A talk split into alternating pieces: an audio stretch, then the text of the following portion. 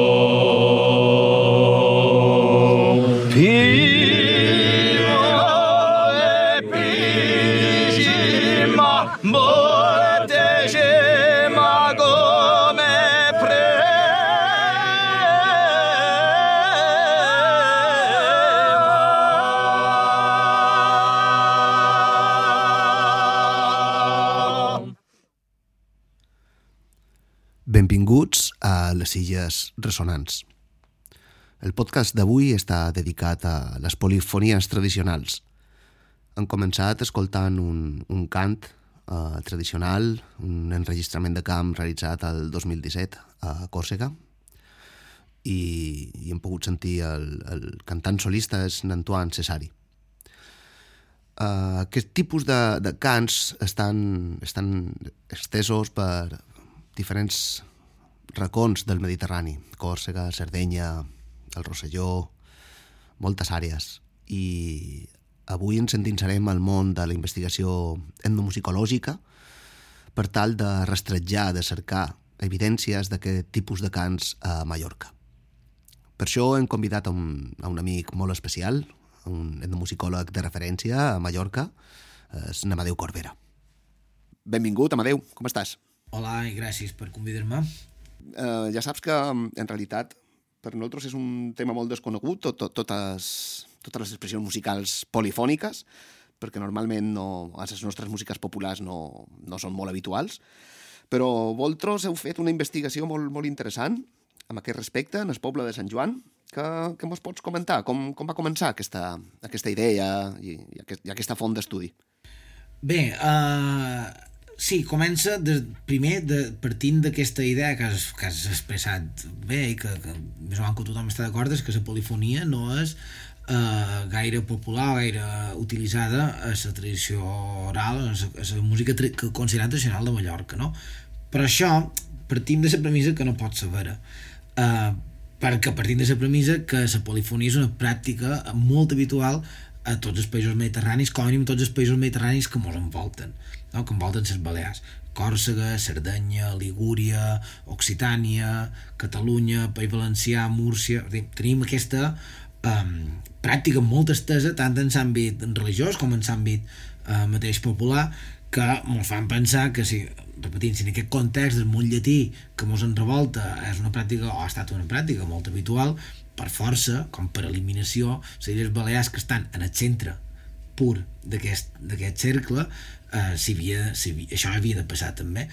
Um, tenim dos exemples, per exemple, ho, ho, apunto aquí, si ho pot consultar abans d'entrar en matèria de Sant Joan, eh, dos exemples que en Baltarà Sant Per, que, diguem, músic mallorquí, en un musicòleg, és primer, en un musicòleg modern, no? en un sentit eh, modern, que, que va investigar a fons tota la música a les Illes Balears, ell va tenir dues anotacions seves publicades eh, sobre el cançoner popular a Catalunya, en els, seus, en els seus diaris de camp, i, per exemple, eh, una cançó recuida, si no m'equivoc, eh, a l'Aró, per mi que és, perdoneu, no, a Portal, ara ho he dit bé, a Portal, ell li canta una cançó, la Porcarola, unes dones, i eh, tenim la transcripció en partitura, i a baix apunta una cosa que diu també la canten en terceres i apunta les terceres. Per tant, una, una pràctica polifònica, una, d'una balada, en aquest cas, la Porcarola, cantada per dones, però per terceres. Per tant, ja, ja, ja nota que sí que se pot cantar per terceres eh, aquestes cançons. Uh, un altre exemple, encara més curiós, d'una cançó que no saben molt bé d'on ve, les set paraules, una cançó d'àmbit religiós, anotada a Campos, l'any també 28, si no m'equivoc, 1928. Uh, probablement aquesta cançó forma part d'una així com està escrita, sembla més aviat com una espècie d'innovació litúrgica introduïda en aquells anys, no? Podria ser, tot i que és en català, això no deixa de ser curiós, però, però és probable que un rector per lo que fos hagués introduït eh, aquesta, aquesta versió moderna en català i és així més complexa i ell també apunta, diu, canta Llorenç Ballester de Campos, diu, l'assat de petit ja ho cantava a l'iglesi, per tant no? i això veurem que ho trobarem a Sant Joan també, diu, el primer fragment es canta a dues veus soles el segon a dues veus a cor. I diu, la veu que s'hi afegeix, diu el cantaire, és la tercera superior. No? Per tant, una altra vegada aquestes polifonies. En Valdrà Sant Pere no en va trobar gaires, o no les va cercar, o no va demanar, o no se li va acudir. Eh? Però, ses qui va trobar, encara que siguin dos exemples petits, ell ho apunta. Per tant, són dos exemples molt dispars, un grup de dones a Portal, un homo o uns homos a Campos, no? pobles molt diferents, eh, gent diferent, però aquesta, ell ja, ja intueix de que, de que això s'adona. Sant Pere no va tenir més temps d'investigar, tot sabeu que diguem, ell se va aturar d'investigar cap als anys 30 i després l'any 36 quan diguem, tenia, havia començat a processar tots els seus materials, havia començat a publicar se va exiliar el 39 se va exiliar i ja no va tornar a fer res d'això, no? Per tant, és dir, aquest camí que ell va inaugurar, que era molt interessant, no, no, no, no va poder continuar. Per tant, molt van quedar amb aquesta incògnita, diguem, des de 1928, amb aquesta incògnita de si hi havia hagut polifonies a, a, a les Illes Balears o a Mallorca. Tenim aquests dos exemples, però nosaltres seguíem, o crec que és obligació de tots els musicòlegs a seguir investigant aquesta possibilitat, sobretot des, després de que recentment, a partir de l'any 2003, això, s'ha fet molta investigació en aquests països, com he dit, no, del voltant, Còrsega, Cerdanya, són molt conegudes, però eh, sobretot Catalunya, Occitània i el País Valencià, on s'han demostrat que hi ha aquestes polifonies i, aquestes pràctiques polifòniques i anem sobretot a les, polifonies religioses de tradició oral no? que ens pareixen particularment interessants o ens poden pareixer particularment interessants per, per, per diverses raons. Primera, perquè tenim les referències, repetesc, de Còrsega i Cerdanya, que són molt espectaculars, molt conegudes, molt publicitades, fins i tot en el cas de Còrsega convertir en una espècie d'element de, identitari, de reivindicació política nacionalista, no? que Còrsega és un d'aquests països en conflicte fins i tot entre de la lluita armada no? en França, etc. Um, bé, recomanem als oients que la cerquin, poden trobar 200.000 gravacions que en tenim i podem sentir-ne i és, és molt espectacular, no? Recentment, equips liderats per, per en Jaume Llats, que és professor de, de musicologia, tenen musicologia a la Universitat Autònoma de Barcelona i abans havia estat de l'ESMUC i durant molt de temps també ha estat eh, director del Museu de la Música de Barcelona eh, i l'equip liderat per ell eh, on ell ha participat han localitzat aquest model de Còrsega i Cerdanya en el Pirineu català no? i les zones del Pirineu, Prepirineu, la plana de Lleida, llocs així, on s'ha pogut localitzar. Ja no és tan espectacular com Còrsega i Cerdanya, o sigui que són pràctiques, eh, diguem, més envaïdes, per dir-ho així, no? ja queden més pocs cantadors, um, però tornem a trobar es, diguem, el model no? de, de diguem, l'àmbit religiós el llatí, clar, si és religiós és el llatí, cosa que les fa interessants perquè gent que canta llatí que no en té idea del que canta no, no ho entenen, però és igual això és interessant eh, la religió no s'ha d'entendre mai. La, la religió arreu del món se fa en llengües que no s'entenen gaire perquè són rituals, perquè tenen un significat diríem màgic o transcendent per tant no té per què entendre-se i per tant en el cas de, de Catalunya tampoc s'entén, no és el llatí i no s'entén. O en general no se, no se mira d'entendre gaire. Per tant són cants de llatí religiosos que canten homos sempre i que aquests homes com fan o són part d'una espècie de confraria o grup més o manco organitzat que té una certa representativitat social dins el poble i que el fet de cantar eh, per ells representa la projecció d'aquesta representativitat i, de, i fins i tot d'aquesta masculinitat no? i aquests cants se, se fan a un lloc localitzat de l'església normalment al cor que d'aquí ve el nom del cor de totes les esglésies també és de Mallorca i hi ha, també, i és interessant, hi ha una sèrie d'objectes que hi estan estretament vinculats, que són bancs o cadiram concret, on aquests cantadors eh, s'asseuen i cadascú té el seu lloc reservat i uns grans faristols on s'hi solien col·locar aquests llibres de cor, que això és curiós, uns llibres de cor que ells no saben llegir, però que no deixen de, de formar part no, de, del context. I per tant, aquests grans faristols on hi han de cantar drets en revoltant del faristol. Aquests són els objectes que estan vinculats i que en, els equips d'en Jaume Iats han descrit eh, repetesc, no? a, a diferents bandes de Catalunya, el Pallars, Andorra, eh, eh, el, Pla, la Plana Lleida, la Noguera, el Berguedà, trobam no? a unes bandes sí que trobam aquests cants, per exemple el Pallars, no? Uh, d'altres ja no s'han trobat els cants però sí que poden trobar objectes per exemple el Berguedà no? Tenim d'aquests elements uh, tenim la memòria d'alguns senyors majors que recorden haver-ho sentit cantar fins i tot ells ho havien pogut cantar de petits o son pare ho cantava, coses d'aquestes i, i d'altres que ja no, no? però diguem, una banda o, o bé trobam els cants sencers o bé trobam els objectes o bé trobam les restes i això ens permet com, configurar aquest mapa no? una vegada més per eliminació si a Còrsega ho tenim, a Occitània ho tenim en el País Valencià ho tenim bé, doncs, pensar que tot això condueix a que ve ser el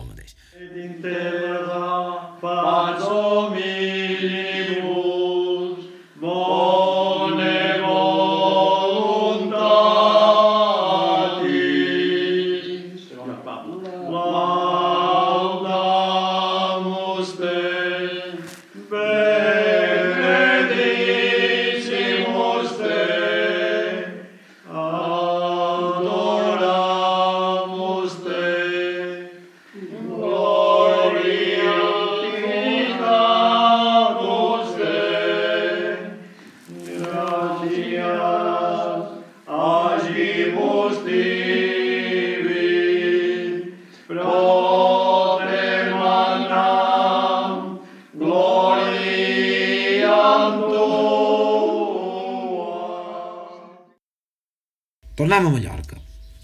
A Mallorca no ho teníem. Teníem aquests petits exemples d'en de Maltrà Sant Per. Uh, a un altre àmbit diferent uh, i que no té res a veure amb aquest però sí que també hem pogut documentar pràctiques polifòniques a Menorca. No religioses, no té res a veure amb la religió sinó un àmbit fins i tot laboral no? però també la pràctica polifònica. També l'estil de cantar que és molt important la manera de posar la veu forta, projectada no? quasi, quasi estrident no? I, i aleshores, en el cas de Mallorca eh, hi ha una documentació interessant de, del poble de Sant Joan eh, que és una documentació antiga no? de, de, seus anys on mos eh, descriuen gent, gent que viva, eh, tampoc no és una documentació dels anys 80 mos descriuen la missa en to pascal no? missa en to pascal eh, que canten a Sant Joan cada any nosaltres, com a gent del Conservatori Superior, no sabíem molt bé què era la to pascal i vàrem anar a consultar aquesta documentació que la primera referència relativament moderna que tenim és aquesta, aquesta publicació de la revista Mel i Sucre que és la revista local de Sant Joan de l'any 1985 no? fa 35 anys per tant i en aquesta revista s'hi va transcriure aquesta missa en to pascal eh, amb unes veus, amb una polifonia i amb un ritme molt estrany i amb unes, fins i tot, tensions una mica estranyes que si, si gent que sap un pot d'harmonia clàssica mm, diria que està malament. De fet, eh, mos varen explicar que, troba, que ho varen mostrar en el pare Martorell, el pare Martorell va ser un, un franciscà, un, un capellà i un compositor, un dels millors compositors que han tingut a Mallorca i un senyor que realment sabia molt, molt bona música i era un gran compositor i li van mostrar i el pare Martorell va trobar que estava molt malament allò perquè clar, no seguia, diguem, l'escolàstica no? l'harmonia escolàstica que ell havia estudiat, el pare Martorell va estudiar amb Nigin Inglés, va estudiar a Roma no? diguem, un senyor que realment en sabia en sabia molt, ell va trobar que allò estava malament i va dir allò, no ho canteu així, per favor uh, això era un desastre uh, bé nosaltres teníem aquesta documentació varen decidir uh, amb un grup d'alumnes ja fa un parell d'anys anar a Sant Joan a aclarir això no? a, a gratar un poc més eh, damunt, d'aquest tema. Per fer-ho, partíem d'aquest model que hem explicat de, de, de naiats, no? de, dels equips de naiats, que es que havien de trobar. Si, si per assegurar-nos, o si pensàvem que era el que ens pensàvem, que eren aquestes polifonies, eh, havíem de trobar homes que ho cantassin, havíem de trobar un faristol, havíem de trobar un llibre i havíem de trobar um, uns bancs, no? Eren els, repetim, no? els elements, dir, homes i objectes no? homes perquè això només ho canten els homes i objectes i el llatí també, òbviament aleshores varen poder fer aquest treball de camp, varen fer unes sis visites a Sant Joan no? s'ha dit que els meus alumnes en varen fer més que jo, era part d'una assignatura no? d'això i varen, eh, varen poder entrevistar aquests cantadors i um, efectivament els cantadors més vells els més vells de tots, perquè ara diguem que això se segueix cantant i ho fa escop parroquial, però els cantadors més vells sí que se van atrevir a cantar, tot i que no volien, perquè trobaven que estava malament, no? ells ara ja trobaven que estava malament, però ells sí que se van atrevir a cantar el que havien après quan eren petits. No?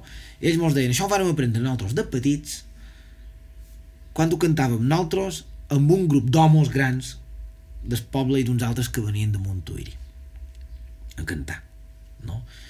i diu, i nosaltres vàrem aprendre a cantar això i més havien de cantar fort no? deien, havien de retronar les parets perquè si no no estava bé i aquesta expressió de fer retronar les parets és la mateixa expressió literal que han pogut documentar a Catalunya els equips de naiats. Retronar, fer retronar la paret de l'església no? doncs vol varen dir. Havien de fer retronar les parets havien de cantar a tota corda expressió també literal i aquells homes cantaven a tota corda. I a més, i molt varen dir a més s'asseien en aquests bancs i teníem un faristol molt gros. I aquí és quan quan concorda tot. I eh, en aquesta entrevista que ells, aquests cantadors més vells varen acceptar fer com d'amagat perquè no ho volien fer davant dels companys d'escó parroquial actual molt varen cantar un fragment d'un Glòria, si no m'equivoc on canten clarament de la manera descrita en tots els models que tenim de Còrsega, Cerdanya, d'Occitània o de Catalunya, que és una veu que entra, que és la veu principal, el tenor, i després una tercera que s'hi posa per damunt i una tercera que s'hi posa per davall. I aquest és l'exemple que tenim més potent. A partir d'aquí varen seguir eh, gratant, Ara el cop parroquial de Sant Joan ja no canta així, ara ha passat, diguem, ha passat per, per sedars, no sé si dir-ho sedars, però bueno, per, per un procés de modernització, adequació a l'estètica moderna, encara se segueix cantant per tradició oral, si que canten escola de, de, de parroquial de Sant Joan ja no, um, diguem, ja, ja, ja ho canta també eh, aprenent to per, per, per seu director, però canten d'una manera molt més composta, molt més fina, acompanyada d'orga, no? és, una, és una versió molt moderna, no? Però els cantadors vells encara els, agrada, els agradava recordar aquesta, aquesta forma de, de cridar, bé, de cridar, estrident, forta, molt projectada i llatí.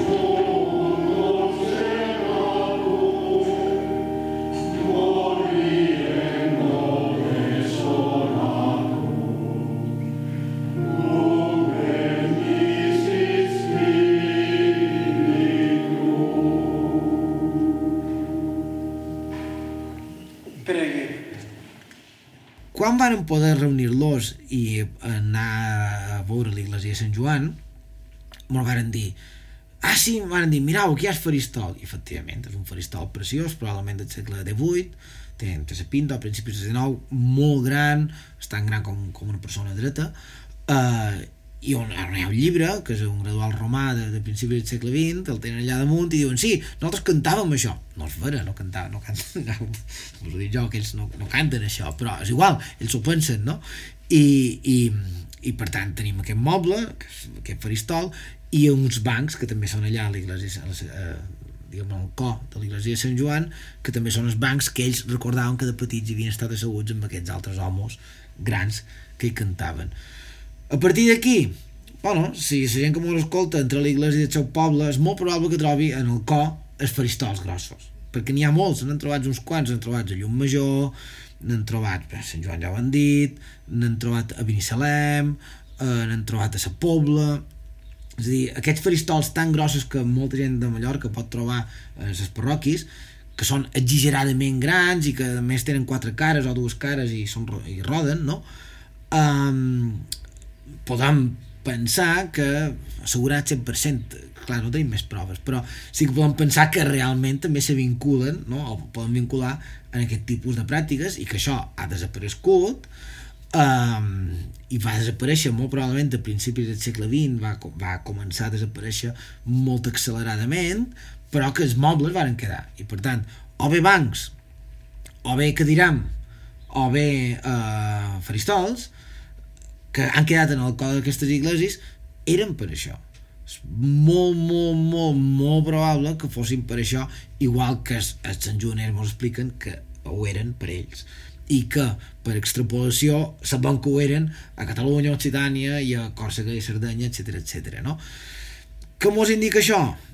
Primera, que la nostra hipòtesi inicial de les polifonies a Mallorca eh, se pot més o corroborar, és a dir, té tota la lògica del món, repetint que si dins aquest arc mediterrani és a Mallorca hi fos, això ho seria, però també que això és la pràctica, diguem, el darrer eh, exemple molt eh, degradat des, de, des del punt de vista original, no? ja molt residual d'aquest tipus de pràctiques i que, que, i que està mort. Eh? Vull dir, no, és que tot no, per sort, però eh, diguem, la pràctica està morta. També ens indica que Mallorca se va modernitzar molt aviat o que el alguns tipus d'elements de, de, de la modernitat varen, varen entrar molt ràpidament a Mallorca en el segle final del XIX, principis del XX i varen acabar amb això, que era antic no? i és molt probable que els que rectors de, de, de, de principis del segle XX trobassin que això feia antic i que ho volguessin canviar per, per cants més nous, sobretot a, partir del motu propio de, de 1902 d'en Pius X, que diguem, fa com una reforma litúrgica molt important i és molt probable que aquests rectors eh, diguem que els rectors mallorquins que estaven ben connectats amb, almenys la diòcesi mallorquina estava ben connectada en diòceses importants i, i en Roma també impulsassin la modernització i, i això, diguem, aquesta modernització parroquial acabàs en les pràctiques més antigues per què Sant Joan va durar? no ho sabem per, per, per X motius a Sant Joan se va mantenir perquè hi havia un rector que li interessava el to pascal perquè ho trobava interessant. No ho sabem, no, no poden saber. Uh, si tenim altres exemples ara no m'ho han arribat jo no en conec, si qualcú com us escolta li sona com us ho digui uh, pot ser fins als anys 80 del segle passat encara en haguessin trobat. Però hem anat tard no? per tant ara més aviat l'únic que poden fer és eh, assegurar es, es, aquests faristols i aquests, aquests mobles i que això mos, i fins i tot trobaríem probablement trobaríem llibres de cor i coses així dins, es, dins, es, dins, dins els arxius parroquials que no hem anat a mirar i amb això podríem construir aquesta geografia que no és una geografia sonora, ja no ho seria, però és una geografia diguem d'objectes que per ells mateixos no són sonors però que estan vinculats completament una experiència sonora, no? Faríem com arqueologia sonora, entre cometes. I, bueno, i això és aquest top escal de Sant Joan, que ara aviat no sé quantes Pascos, un dia d'aquests, no? Sí, I per tant, si aneu a Sant Joan podreu sentir el top escal, no sé si enguany se farà per, per qüestions de pandèmia, però si se fes podrien sentir el top escal en la versió moderna, que la resta total d'aquest exemple, que és el darrer exemple, les polifonies religioses de, de tradició oral a Mallorca.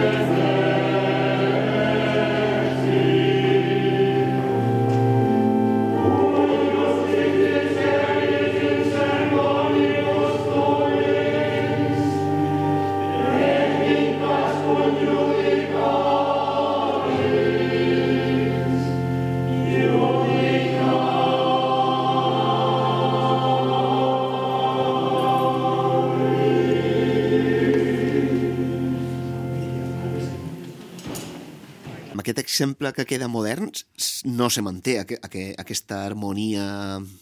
No, perquè clar, ara ja ha passat per, per, per l'orga, ara ho canten amb orga. Vull dir, ja l'harmonia és correcta, diguéssim, ja no hi ha aquestes tensions. Ja no hi són les tensions.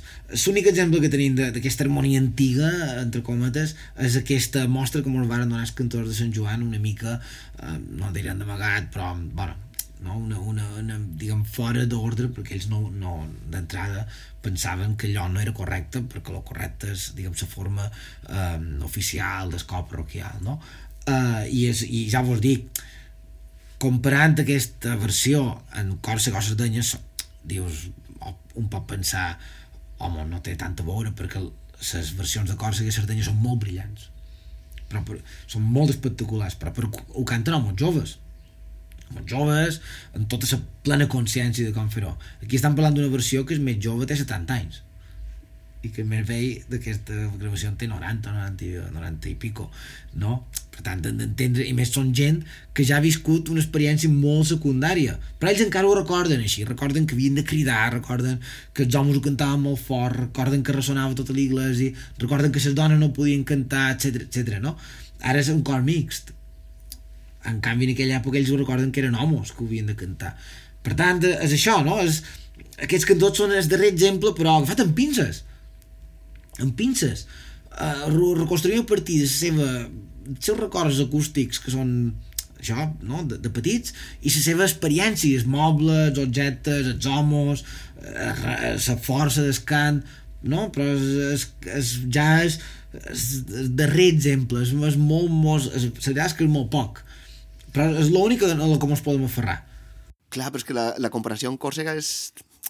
És que, clar, Còrsega s'ha agafat aquest tipus d'expressió musical o de cant, quasi el que tu comentaves abans, com a expressió nacional. O sigui, simbòlicament és molt lògic que s'hagi mantingut, fins tot potenciat, Efectivament. perquè per ells és una qüestió identitària. Del tot. A Còrsega ja és una qüestió identitària. Aquí, aquí és una cosa que va desaparèixer en pintura i probablement en la guerra va acabar de desaparèixer, no? Vull dir, si va haver una modernització molt gran a principis del segle XX, eh, en la guerra, no? que se va aturar tot i el canvi que va suposar la guerra, els tres vals, eh, també, diguem, de pràctiques culturals que va suposar la guerra, ho, ho va acabar de matar, entre cometes matar, no?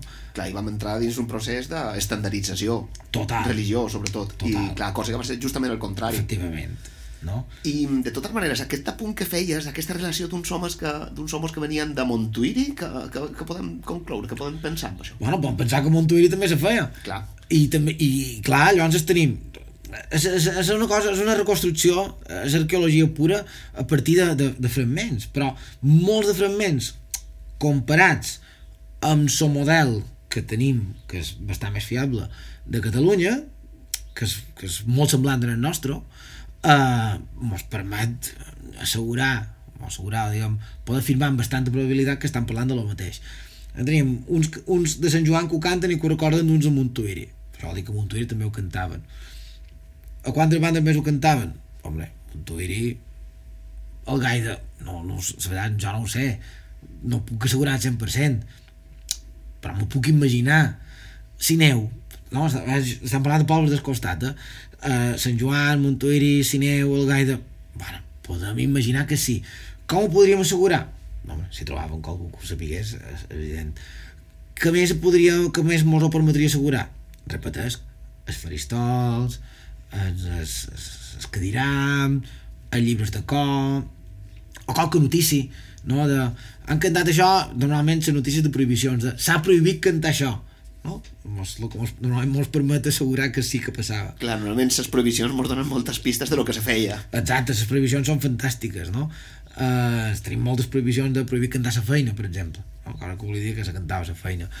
Uh, a l'Aró, pre- precisament, no? Uh, ja quan ho dèiem, el de Sant Pere trobava una prohibició que deia ell cita una prohibició que diu el buen obrero trabaja sin cantar y llega puntual. No? Ja mos està dient que... Està dient que, que se cantava i que no arribava puntual a fer feina, no? Um, per tant, això, per tant, a Sant Joan mos ha arribat, a Montuïri no mos ha arribat, o jo no me consta, si qualcú que mos escolta li consta, que mos ho digui, per favor, estarem Això, això t'anava a dir, Amadeu. Som a temps encara de- d'intentar investigar i recuperar... Som a te... eh, Clar, és que això anar en contra del rellotge. No? Perquè si aquesta gravació que té un parell d'anys és més jove, eh, tenia 70, no? Clar, anar en contra del rellotge. Ara, eh, som, som atents, si ho han trobat a Sant Joan, potser ho poden trobar a una altra banda. Sí, eh, sí. Jo crec, jo, el més fiable per, per, per jo, des del meu punt de vista, és cercar els objectes. Cercar els faristols. Clar, allà on tenim els objectes tenim una pista d'aquestes pràctiques. Exacte, perquè els faristols ho són. Uh, ara, si hi hagués qualcú, qualque poble, que recorda, si ell no va cantar, però recorda haver-ho sentit, o sigui, l'únic que poden fer és pintura que qualcú molt vell de qualque poble recordi que de petit ell ho havia vist o molt grans. I fins i tot igual, tant, tal qual va, vau fer a Sant Joan, revisant la premsa local. Sí, sí, sí, sí. Moltes vegades sí. se fa, se Sí, fa sí. ressò d'aquestes pràctiques. Sí, sí, sí, o podrien trobar o fins a les revistes més antigues dels anys 70 o, o qualcú que contàs és evident, per tant, nosaltres no mos, mos, mos vam centrar en Sant Joan perquè ho teníem molt per mà eh, perquè teníem bastant informació no? d'aquestes publicacions de Mel i Sucre una altra de l'any 2005 és a dir, hi havia una sèrie de, de, de, de, de ja teníem un material teníem una feina prèvia no, no, era, no era tirar una pedra a l'aire sinó que ja, ja sabíem on anar a cercar a altres pobles no ho tenim tenim els faristols, no? ja vos dic, n'han trobat uns quants, però ara dic que vos, per exemple, ara cercava és de, si és de Llum Major, per exemple, que, que es ven, tenim una foto doncs de Llum Major, de la Pobla, vos he dit també és de Binissalem, un faristol preciós de Binissalem, per tant aquests elements els tenim. Uh, si poguéssim trobar-ne més, que qualcú en el seu poble pugui gratar un poc més, i ens ho fa arribar, òbviament seguirem, estirem aquest fil.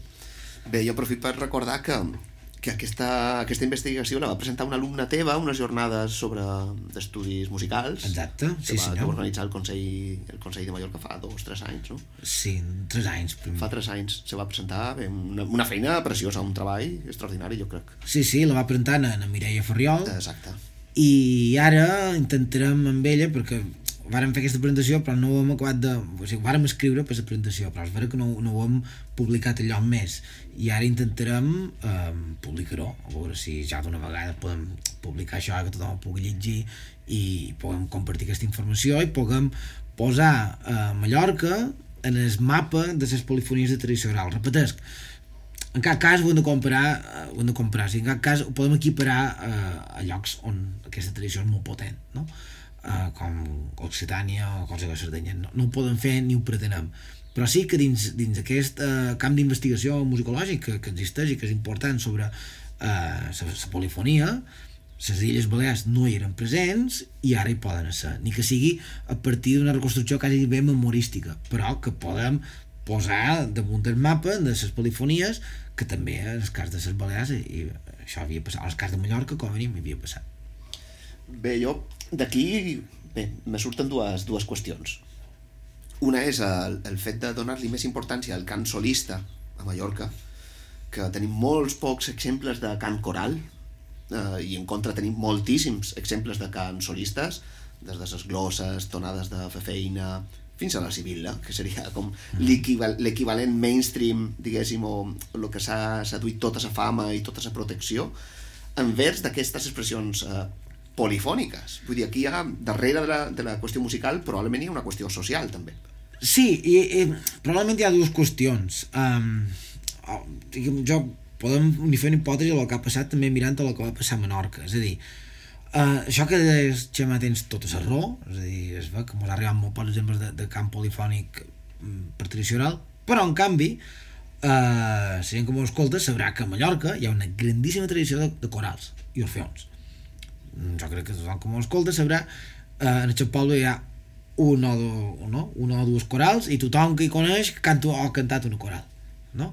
I, que és, i, i aquesta tradició orfeonística és des de, des de final del segle XIX sabem eh, això està, sí que una altra vegada en Jaume Mollats ho ha estudiat molt que aquestes corals, aquest moviment coral en els països catalans estava, estava molt vinculat al moviment obrer i quan deim moviment obrer volen dir no només especialment d'esquerres, també hi havia moviment obrer de dretes i també estava vinculat, no? En tot cas, l'origen del, del cant coral el, el, és d'en Josep Anselm Clavé, no? un músic i polític republicà de final del segle XIX que impulsa aquestes, o, aquestes eh, corals o aquests orfeons, aquestes societats corals eh, d'homos no? per, per crear fraternitat obrera, etc etc.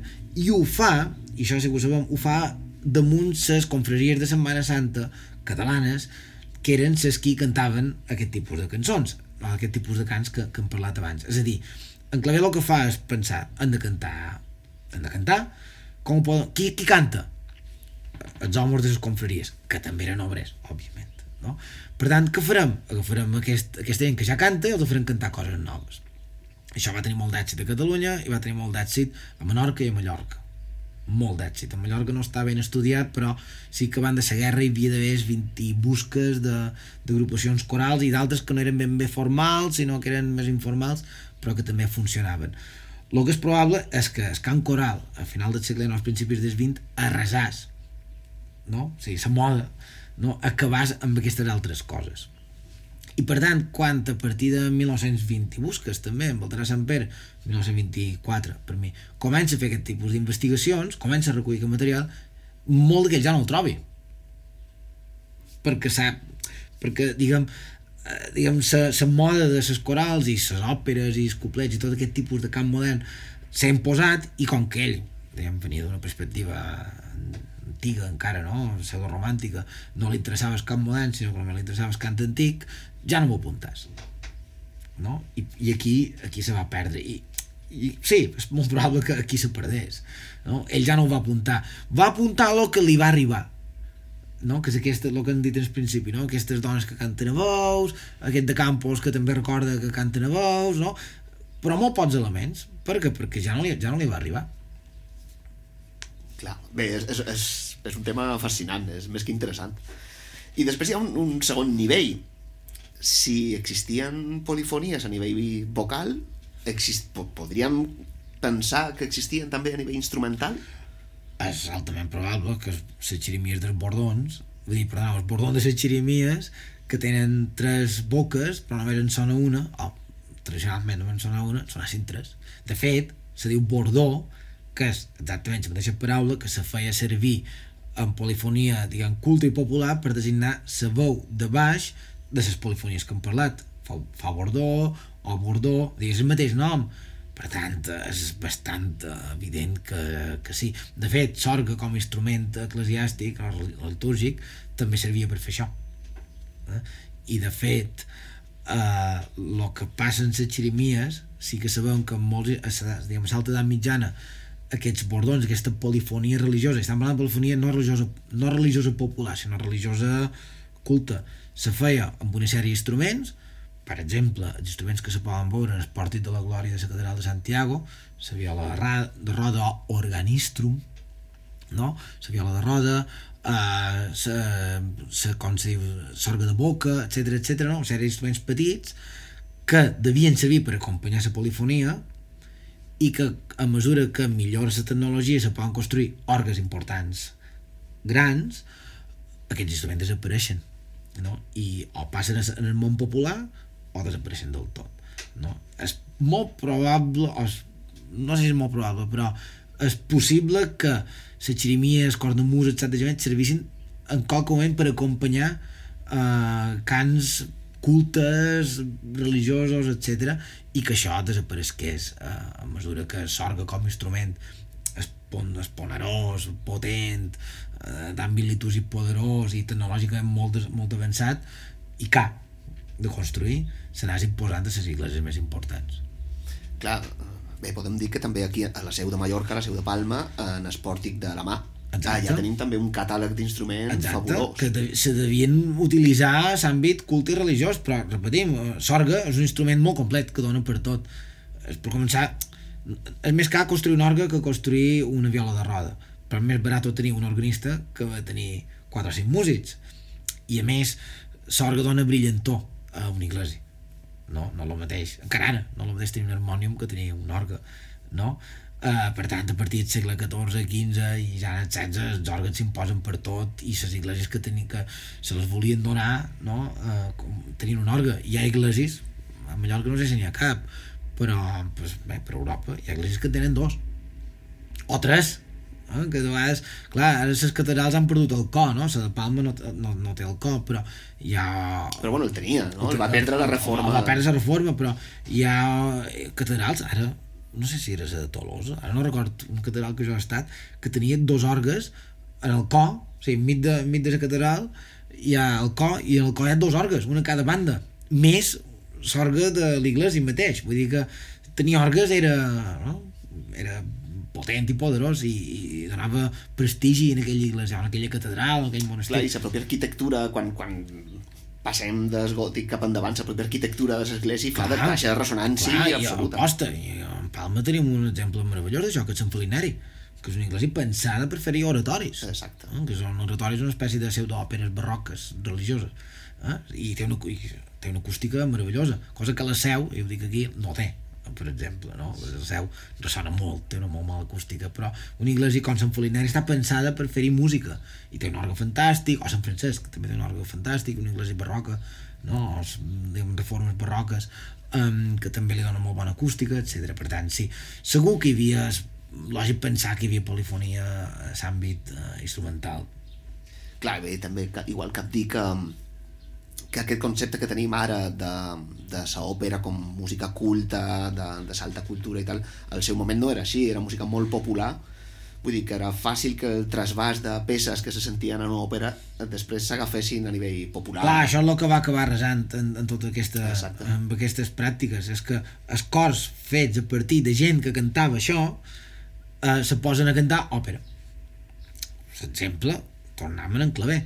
Eh, en claver, que munta els seus orfeons, les seves societats corals, orfeons, no, societats corals, a partir d'aquestes confraries, eh, una d'aquestes, la, la fraternitat per mi, és sa, una d'aquestes fa la primera interpretació de música de Wagner eh, a Catalunya la gent sabrà que Catalunya és, eh, diguem, és el país del sud d'Europa més wagnerià no? històricament ho ha estat uh, i la primera vegada que sona Wagner a Catalunya és un dels cors de claver o sigui, una d'aquestes confraries d'obrers que cantaven aquests cants llatins, etc etc, que canten música de Wagner el cor, crec que és el cor dels, dels pelegrins de Tannhäuser que si no el coneixeu escolteu-lo perquè és una, és una meravella de, de, de música no? Eh, també polifònica, etc.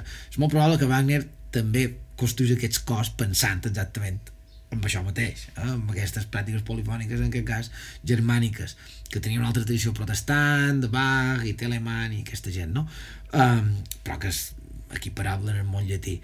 Uh, per tant, sí, l'òpera se va posar de moda a final del segle XIX o mitjan segle XIX i aquests grups d'homes que cantaven van començar a cantar-ne. A Menorca, als anys 30, ja no se cantava res antic, o molt poca cosa antiga. Tornaven en Sant Pere, ell va a Menorca als anys 30, o 1929, 28 i 32, i pràcticament no troba cançons que ell diu antigues, perquè es- totes les cançons que li canten són fragments d'òpera, eh, couplers de sarsuela i coses així és el que s'ha posat de moda. A Menorca també hi havia molts de cors d'aquests, però tota la tradició anterior, polifònico, llatina, etc., havia desaparegut per, per culpa o per mort o per l'impacte de l'òpera i de, i de la sarsuela. Eh, superinteressant, Amadeu. Uh, és interessant, sí. Però, però hem de dir que a Menorca també han trobat polifonia uh, a l'àmbit laboral i és molt interessant um, dels sabaters i fins i tot a un nivell com us va sorprendre uh, ho posen com a exemple perquè és, és un exemple de, de polifonia a mi m'apareix meravellós, no? de, de l'importància de, de, de fer aquesta polifonia. Han dit que la polifonia era uh, un, un element de construcció de la masculinitat dit en principi uh, també ho era fora de l'església no? És dir, el fet de cantar veus és una qüestió de, de projecció de creació del grup i creació de la masculinitat eh? um, aleshores és, diguem, el mascle més important per dir així, els mestres no? els, els, els important del grup, el més vell el que fos, era el que feia la veu principal tots els altres eh, se li posaven per damunt o per davall no? Això passava tant a l'àmbit religiós com a l'àmbit popular o no religiós, secular direm um, nosaltres amb una companya, n'Eulàlia Febrer, vam fer una investigació sobre Menorca i vam trobar que els sabaters cantaven així, amb aquesta estructura que acabo de descriure, no? El sabater més vell cantava primer, els altres s'hi afegien i els joves no cantaven. No, no podien cantar. Els aprenents, perquè eren aprenents, no eren mestres sabaters. És una qüestió d'estatus, no? Qüestió d'estatus, qüestió de masculinitat també, si ets un jove no ets un home, home, eh, ets un ninat, no? I home són moltes coses, eh? també són tenir relacions sexuals, fumar, beure i coses així, sí, sí. no? És el món tradicional, això te fa home, bé tradicional i no tant, no? I, i el fet de, no? Aquest estatus l'aconseguies també cantant, bueno, a partir dels anys 60 a Menorca, a Mallorca va passar abans, però a partir dels anys 60 a Mallorca, a Menorca, perdoneu, eh, aquests tallers de sabaters se varen desfer i se varen, tots, tots els treballadors en fàbriques, no? en naus industrials, en les primeres que diem cadenes de producció fordista o semifordista. No? El fordisme vol dir fer treballs separats, no? en cas que ho fa una fase de producció. Aleshores tenim el testimoni d'un senyor, mm, ja és mort aquest senyor pobret, un senyor a Ciutadella, un sabater molt cantador, que ens va explicar que ell cantava molt, però quan el varen moure de, de la seva banqueta, no, els, seus, els seus companys sabaters, a una fàbrica el varen posar a una màquina de, de crec que era de ferrar soles de sabates no? i clar, ell s'avorria havia passat, no? pèrdua de temps això, havia passat de fer feina Una feina alienant. Del tot, no? Però ell necessitava cantar perquè era com s'havia socialitzat, com s'havia culturitzat, com havia pres a fer feina.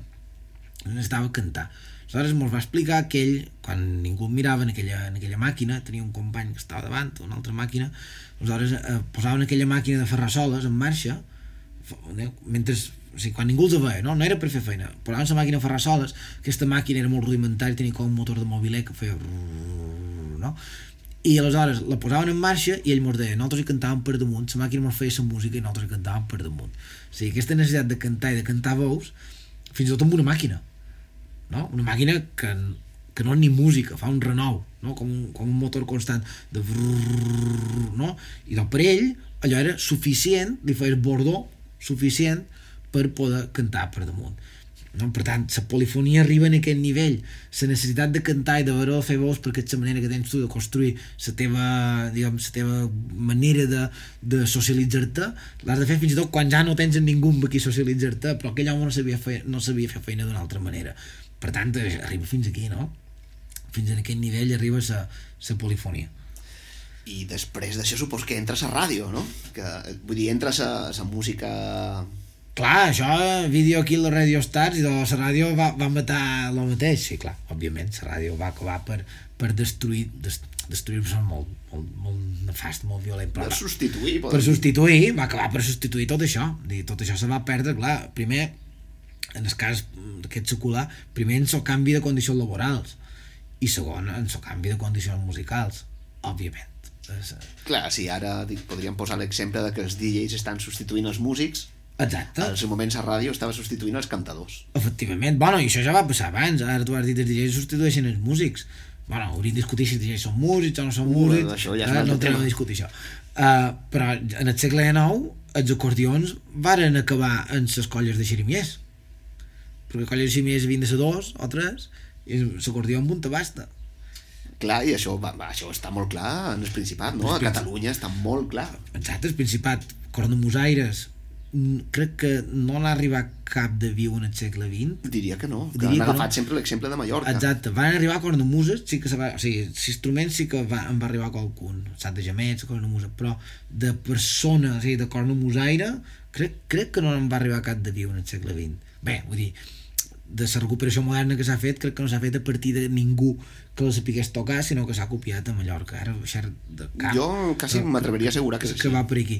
I en canvi sabem que els acordions en el segle XIX varen, varen entrar amb molta força i varen substituir tots els... Per què? Perquè per, per colles de cornamusaires necessitaves dos com a mínim i amb un acordió amb un te bastava era més música per, per, i més que l'acordió pot fer més té més marge, pot fer més pots fer harmonia, te pots fer l'acompanyament i i, i pot fer músiques noves Clar, polques, valsos, contradans, totes aquestes coses no, Cotis, tot allò. tot això que arribava nou en el segle XIX eh, les xirimies de gemets no, no ho podien fer Clar, i supos que no és casual que, que l'acordió se va establir sobretot en el Principat, a Catalunya i en el País Basc. En perquè eren zones més, fins- més modernes, més eh, industrialitzades més riques, més industrialitzades, Exacte. poden comprar els instruments... poden, poden comprar materials que no? els acordions necessiten això, bueno, metalls i gomes i coses que sí, sí, sí, sí. Clar, perquè a Mallorca no tenim molta tradició d'acordions. No, però- N'hi ha uns quants, però... és curiosa, però jo crec que sí, probablement, és repetim és molt probable que arribassin també. Passa que també és molt probable que no s'acercassin és a dir, arribassin, se perdessin per se perdessin o el que fos i que quan se varen posar a Cercarones a principis del segle XX ja no els, és a dir, ja els eh, decantassin perquè no interessava. Sí, en aquell moment era massa modern. Exacte, exacte.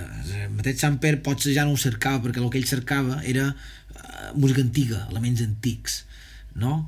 Així tot, Samper és un senyor bastant modern per l'època i apunta coses que són eh, fins i tot diríem inversemblants com una ximbomba amb un bidó de, de benzina de, de, o, de, o de, sí, crec que era una benzina baratera que hi havia o d'oli o no sé què, un, un bidó molt, molt, molt modern, eh? vull dir, molt modern, vull dir, molt, de metall, no era plàstic, òbviament, però ell ja diu, mira, que ja han fet un ximbomba amb un bidó ara dirien de cap de les maneres, no? La ximbomba ha de ser de test i no sé què. En canvi, són uns que necessiten una ximbomba perquè els darrers dies i ell no tenen res més i la fan amb un, amb un bidó no? metàl·lic o apunta que el gramòfon serveix per no? que hi ha gramòfons i que això té uh, serveix per escampar la cançó popular ell això ho apunta però sí que es veu que era un senyor que havia nascut al segle IX i encara amb aquesta mentalitat. Si hi havia acordions o no, ell no ho apunta. No vol dir que no hi fossin uh, vol dir que ell no li donava importància o que ja no els demanava que li mostrassin eh?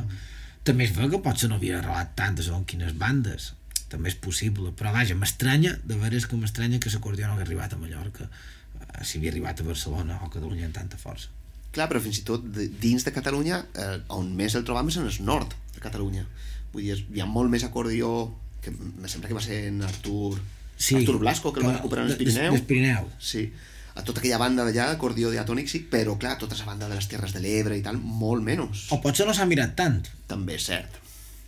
és que de vegades no ho sabem ben bé pot ser que n'hi hagi manco i pot ser que no s'hagi mirat tant eh? a Catalunya també hi ha un problema de, de diguem que d'un interès extrem en la Catalunya vella i un abandonament abandonament o Sí, sí, manc ho d'interès ho podem dir, no? Eh, també abandonament, però en el cas, vull dir, sempre s'ha tendit més a, a recercar tot allò que hi havia per la Catalunya vella que no per la Catalunya nova, vull dir, és, és complex, eh, tot això.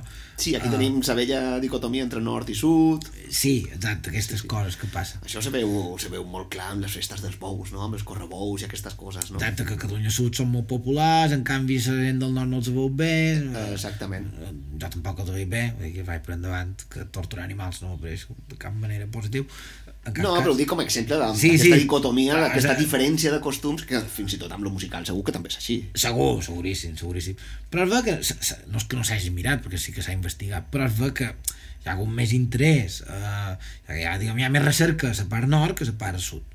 Sí, és cert. I així tot, eh, bé, la música popular o la música tradicional de la part del sud, de Terres de l'Ebre i tal, és potentíssima, és fortíssima. O sigui, Sí, sí, sí, sí, sí, clar.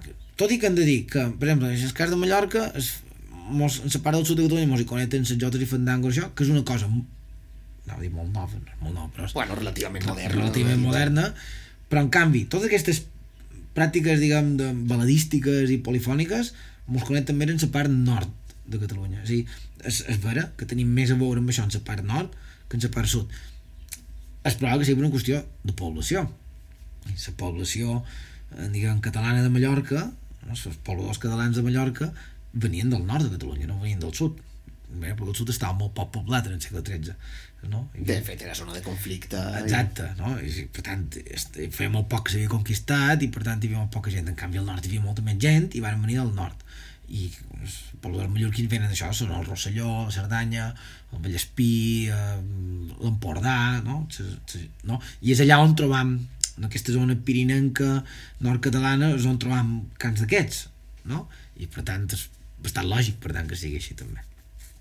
Bé, Amadeu, tot un tema apassionant, podríem continuar i Sí, continuar. podríem continuar, on aniríem, i... però bé, nosaltres fem una crida, si qualcun al seu poble troba res semblant que ens pugui uh, il·luminar no? més bandes, estarem encantats. Ara només tenim aquests exemples en Joan, si en poden trobar més, uh, um, fantàstic. Sí, bé, eh, hem de dir que Amadeu Corbera fa feina en el conservatori, eh, a music en el departament de musicologia, o sigui que qualsevol que tingui informació o que vulgui apropar-se, Que la mos faci arribar al conservatori superior, clar que sí. eh, bé, fascinant i enhorabona per la investigació i a continuar, Amadeu. I a continuar, sí, gràcies, gràcies a tu, Xema, i a IB3 per, per, per interessar-se per aquest tema. Bé, és, és un plaer, és un plaer. Una abraçada gran i bé, continuam. I Adéu. continuam, gràcies.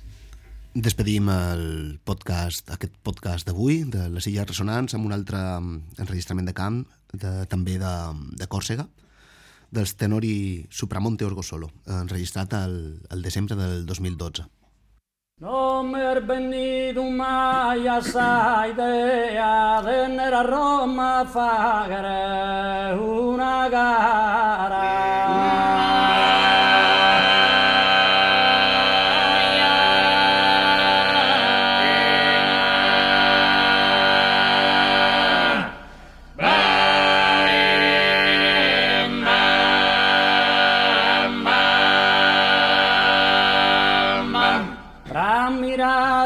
Cesare s'encara chi scritto an gloriosa un'epopea.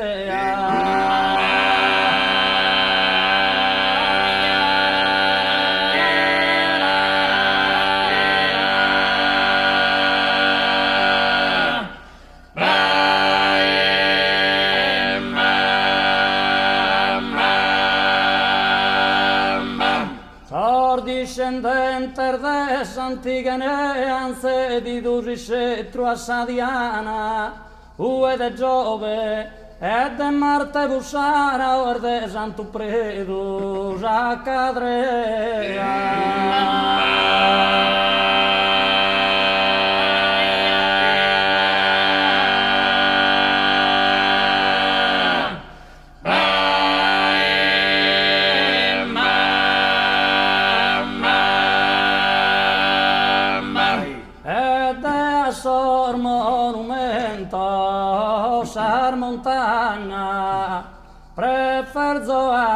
las pinturas a ver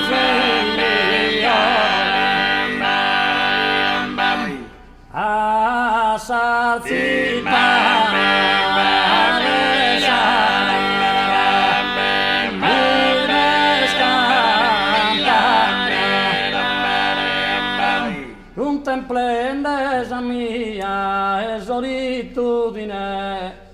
mi distrae in Perù.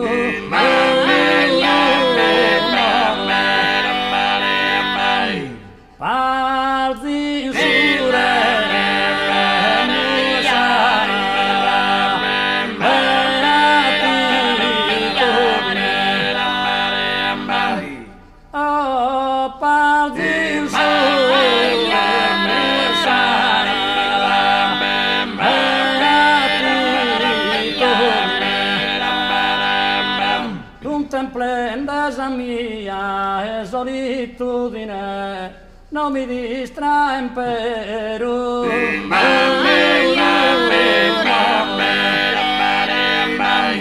E parti